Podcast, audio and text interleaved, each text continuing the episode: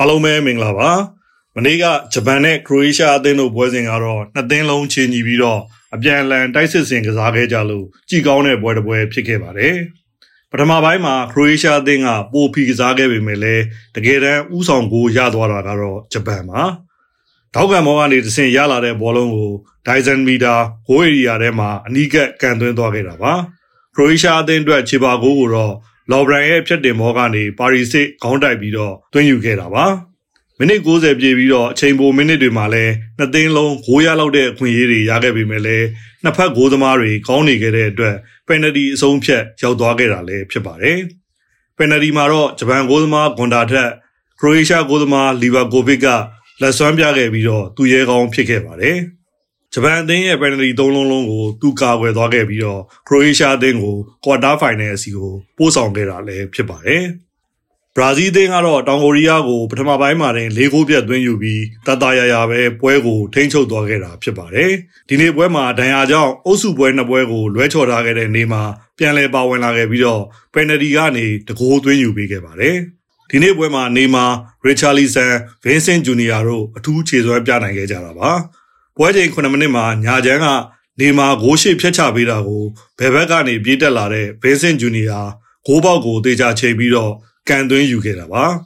ဒုတိယဂိုးကတော့ရီချာလီဆန်ရဲ့လှင်မြန်မှုကြောင့်ရတဲ့ပယ်နယ်တီကိုနေမာကအမှားယွင်းမရှိသွင်းယူခဲ့တာပါ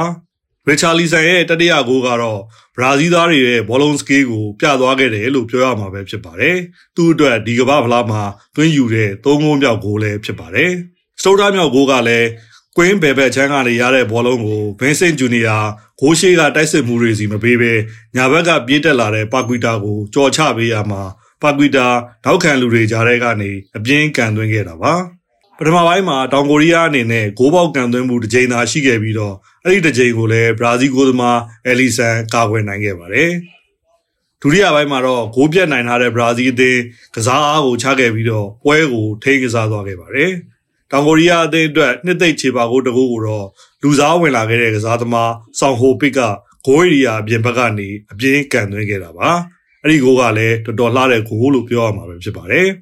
ဘရာဇီးအသင်းရဲ့ဒီပြထီထီအနေနဲ့ကတော့သူ့ရဲ့ကစားသမားအရန်ကစားသမားတွေကိုမကစားရမရှိရလေအောင်တတိယဂိုးသမားကိုပါထည့်သွင်းပြီးတော့ဒီပွဲမှာအသုံးပြုခဲ့တာပါ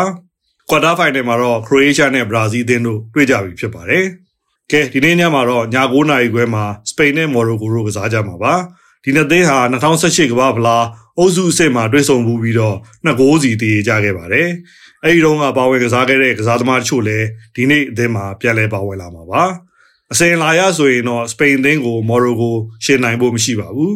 ဂျပန်အသင်းနဲ့အုပ်စုပွဲကလိုအမှားမျိုးတော့စပိန်တို့ထပ်မားလို့မရတော့ပါဘူး မော်ရိုကိုအသင်းအနေနဲ့ကတော့စပိန်အသင်းကိုမိနစ်90အတွင်းတေကြအောင်တော့ခံကစားနိုင်တဲ့ခြေစွမ်းမျိုးတော့ရှိပါတယ်။စပိန်မဲကွာတာဖိုင်နယ်ကိုတက်ရောက်မှာပါ။မနက်တနာရီခွဲမှာတော့စကြောက်တင်ရှုံးတဲ့အဆင့်နောက်ဆုံးပွဲအဖြစ်ပေါ်တူဂီနဲ့ဆွစ်ဇာလန်တို့ကစားကြမှာပါ။ဒီနှစ်သင်းဟာဒီနှစ်ထဲမှာ UEFA Nation League မှာနှစ်ကြိမ်တွေ့ထားပြီးတော့တပွဲစီအနိုင်ရထားခဲ့ပါတယ်။အစဉ်လာရဆိုရင်လည်းကမ္ဘာဖလားမှာတော့တိတ်မကွာကြတဲ့အနေအထားပဲဖြစ်ပါတယ်။လက်ရှိခြေစွမ်းချင်းကလည်းမတိမ်မယိမ့်နဲ့မှု အပြန်အလှန်ကြည်ကောင်းမဲ့ပွဲစဉ်တစ်ပွဲပါ